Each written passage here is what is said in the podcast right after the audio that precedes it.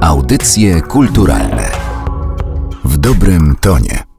Czy polscy widzowie mają w ogóle gdzie oglądać dokumenty? Bo z filmem fabularnym sprawa jest prosta, kupujemy sobie bilet, idziemy do kina. Jeżeli chodzi o filmy dokumentalne, to one do kin trafiają zdecydowanie rzadziej. No właśnie z tą dostępnością widzów polskich do kina dokumentalnego polskiego jest kłopot. Kinga Gałuszka pomysłodawczyni projektu O Dokument, pracuje w Polskim Instytucie Sztuki Filmowej. Tak naprawdę, oprócz kilku tytułów pełnometrażowych, które gdzieś tam przez kina się przemazują i osiągając lepsze lub gorsze wyniki, oczywiście biorąc pod uwagę, że mamy do czynienia z kinem dokumentalnym, no to właściwie jest pustka. Gdzieś tam się oczywiście przemazują też po festiwalach, których jest sporo w Polsce i to są świetne festiwale, no ale jednak nie wszyscy widzowie mają okazję w tych festiwalach brać udział. W związku z tym nie ma takich miejsc.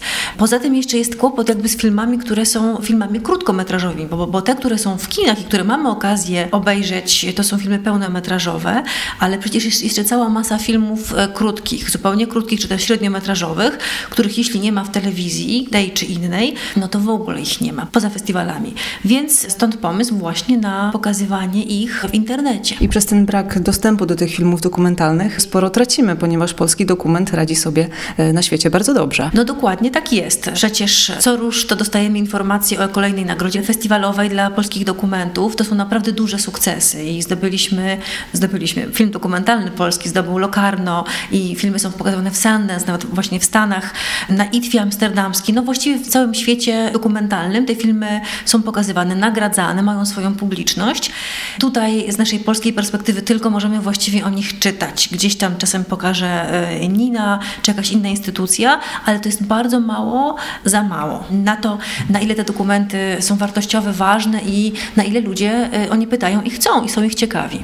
Projekt o dokument to jest projekt, który zakłada pokazywanie filmów, wybranych filmów dokumentalnych na platformie VOD.pl. I wygląda, że to wszystko rzeczywiście posłuży temu celowi, o jaki nam chodziło, czyli o to, żeby po prostu ludzie, zwykły widz, który do tej pory nie miał dostępu do tego rodzaju kina, mógł sobie zasiąść przed swoim komputerem w domu wieczorem i włączyć wybrany film. Spory jest wybór, to są różne filmy i projekt generalnie polega na tym, że zaczęliśmy w środę 22 lutego i potem co środę będziemy dorzucali średnio 4-5 nowych tytułów, które wszystkie razem łącznie z tym pierwszym pakietem będą dostępne na tej platformie przez cały rok. Jaki był klucz doboru tych filmów, które znajdą się w projekcie o dokument? Przede wszystkim jakby zależało nam na tym, żeby to były filmy, które są nagradzane na festiwalach, czyli jakoś tam głośne, o których widz polski mógł już gdzieś usłyszeć, gdzieś przeczytać, e, gdzieś ich jakby zachcieć gdzieś tam w swojej duszy. To był pierwszy klucz. Mieliśmy taką swoją listę marzeń, która była bardzo długa. Nie wszystkie filmy udało się się nam do tego projektu zaprosić. Ze względów różnych prawnych, licencyjnych to są wiadomo pewne ograniczenia. Natomiast sporo ciekawych tytułów i ważnych na tej liście e, w tej chwili można znaleźć. Jest wspaniały film Syberyjska lekcja Wojciecha Staronia. To to właściwie już jest, można powiedzieć, arcydzieło e, polskiego dokumentu sprzed paru lat. Jest efekt domina Piotra Rosołowskiego i Elwiry Niewiery. Przepiękny film, taki właściwie melodramat dokumentalny o tragicznej miłości z kontekstem społeczno-politycznym, równie tragicznym jak sama ta miłość. E, są klasyki dokumentu, jak na przykład 89 mm od Europy Marcela Łozińskiego, mistrza polskiego dokumentu, nauczyciela właściwie całych następnych pokoleń dokumentalistów.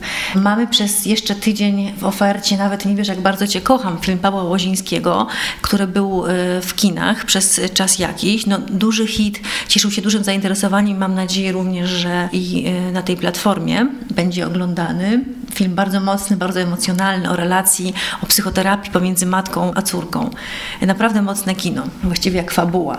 Jest przepiękny film Casablanca Aleksandry Maciuszek, który chyba trzy albo cztery lata temu wygrał krakowski festiwal filmowy.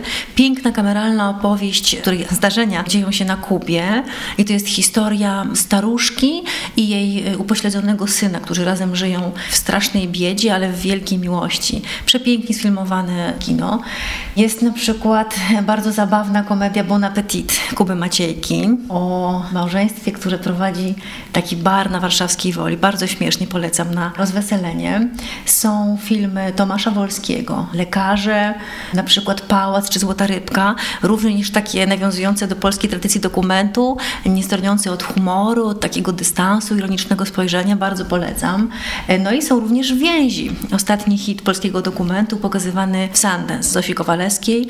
Też jakby jakby z taką ambicją humorystyczną, jednocześnie dosyć głęboka opowieść o relacji pomiędzy starszym małżeństwem, które przeszło jakiś kryzys w swoim życiu i w swoim związku. No i mamy szansę przyglądać się jakby ich potyczkom, ich relacji, jakby ich sposobowi na radzenie sobie z kryzysem i jakby z sytuacją, która ich zastała. I jest jeszcze wiele innych filmów, o których można by mówić długo. Pozostaje mi tylko Państwa zaprosić na te filmy. Czy przeglądając te wszystkie dokumenty, które będą się w trakcie projektu pojawiały na platformie, będziemy mieli szansę skonfrontować tych starszych twórców polskiego dokumentu z tymi, którzy w ostatnich latach zaczęli takie filmy tworzyć? Idea projektu była taka, żeby pokazywać współczesne, to najświeższe kino dokumentalne. Troszkę się wyłamaliśmy z tego właśnie na rzecz filmów Łozińskiego i jeszcze paru starszych filmów. Myślę, że e, chcielibyśmy bardzo ten projekt tak rozwijać, żeby potem można było oglądać właśnie starych mistrzów, starszych mistrzów.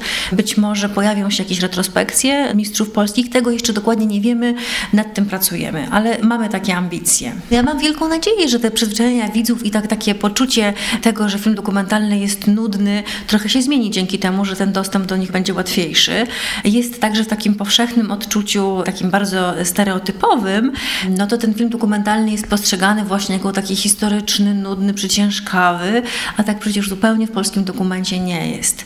Y, oczywiście mamy działkę fantastycznych filmów historycznych i jakby nic im absolutnie nie ujmując, bo to jest kawał świetnej polskiej tradycji dokumentalnej, ale kino to jest coś jeszcze więcej. To są naprawdę perełeczki, takie metafory bardzo śmieszne i skrzące się od humoru, od dystansu, od ironii bardzo często.